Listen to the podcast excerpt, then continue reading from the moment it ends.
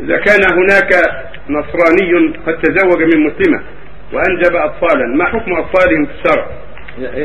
نصراني تزوج مسلمة وأنجبوا أطفالا ما حكم أطفالهم في الشرع؟ هذا السؤال.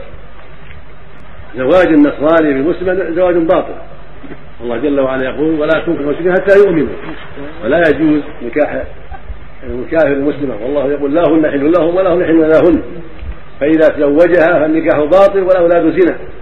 الأولاد زنا يلحقون بأمهم ولا يلحقون به ينسبون إلى أمهم. اللهم إذا كن جهال يكون جهال. ما عرفوا الإسلام هذا جهال له شأن. النكاح باطل وأولاد ينسبون إليه لأجل جهل. إذا كان جاهل وهي جاهلة فالنكاح يكون باطل ولكن ينسب الأولاد إلى أبيهم بسبب الجهل لأنه وقع شبهة.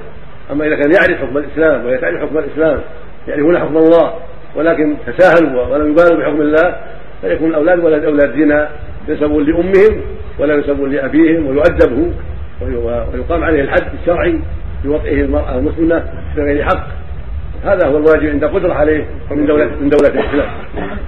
فرق بينهم يفرق بينهم يفرق بينهم. إذا أسلم بعد ذلك يكون بعد ذلك نكاحا جديد يتزوج من جديد. إذا أسلم وهداه الله يتزوجها من جديد.